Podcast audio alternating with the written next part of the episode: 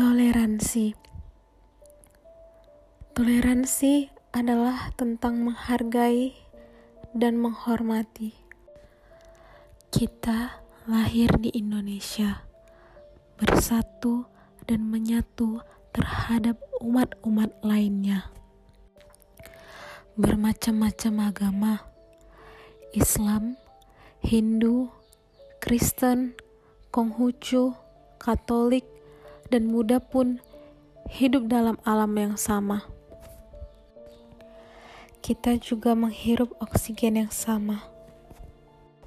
Layaklah kita seperti kembang setaman. Berbagai warna akan memberi rasa, setiap bentuk akan memberi kagum, bermacam aroma akan memberi nyawa.